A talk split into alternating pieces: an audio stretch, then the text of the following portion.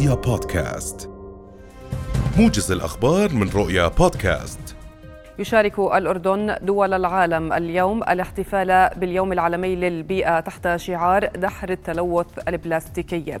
وأطلقت الأمم المتحدة هذا الشعار للعام الحالي والذي يصادف مرور خمسين عاما على مؤتمر الأمم المتحدة الأول المعني بالبيئة البشرية والذي نتج عنه إنشاء برنامج الأمم المتحدة للبيئة وتعيين يوم الخامس من حزيران من كل عام يوما عالميا للبيئة.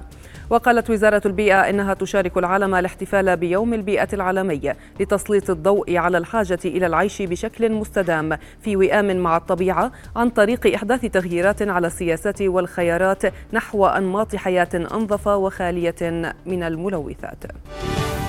كشف ممثل قطاع المركبات في هيئة مستثمري المناطق الحرة الأردنية جهاد أبو ناصر عن ارتفاع حجم التخليص على مركبات الهايبريد بنسبة 119% من 3000 سيارة في العام الماضي إلى 6581 العام الحالي.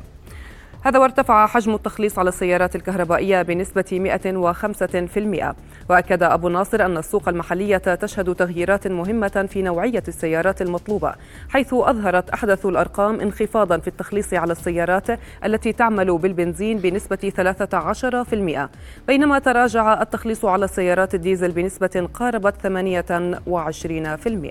28%.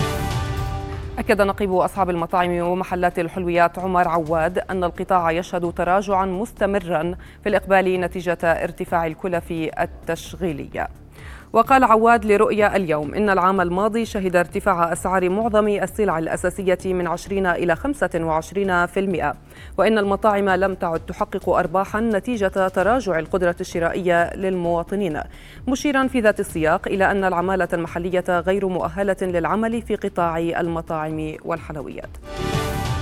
استقبلت محطة العقبة للسفن السياحية باخرة سياحية قادمة من ميناء مسقط تحمل على متنها 2428 سائحا من جنسيات أوروبية.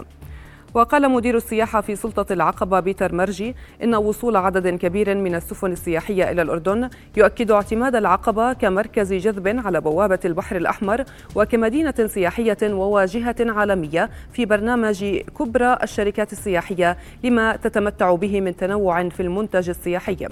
ووصلت منذ بداية العام الحالي 58 باخرة سياحية حملت على متنها أكثر من 40 ألف سائح.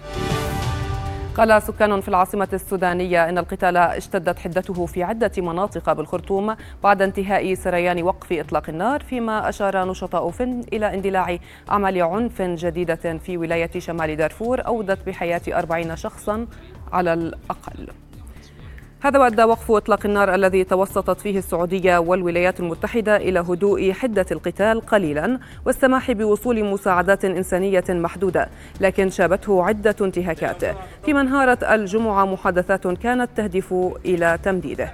وتقول السعودية والولايات المتحدة إنهما تتواصلان يوميا مع وفدي الجيش وقوات الدعم السريع الموجودين في جدة. أعلنت روسيا اليوم أنها صدت هجوما واسع النطاق للقوات الأوكرانية في دونيتسك التي ضمتها موسكو مؤخرا في ظل تصاعد حدة القتال عند الحدود بين البلدين. وتؤكد كييف منذ أشهر أنها تستعد لشن هجوم مضاد كبير على أمل استعادة المناطق التي خسرتها منذ أن أطلقت روسيا عمليتها العسكرية في شباط من العام الماضي.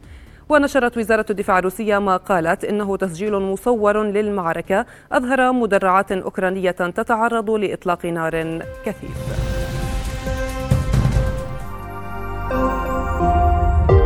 رؤيا بودكاست.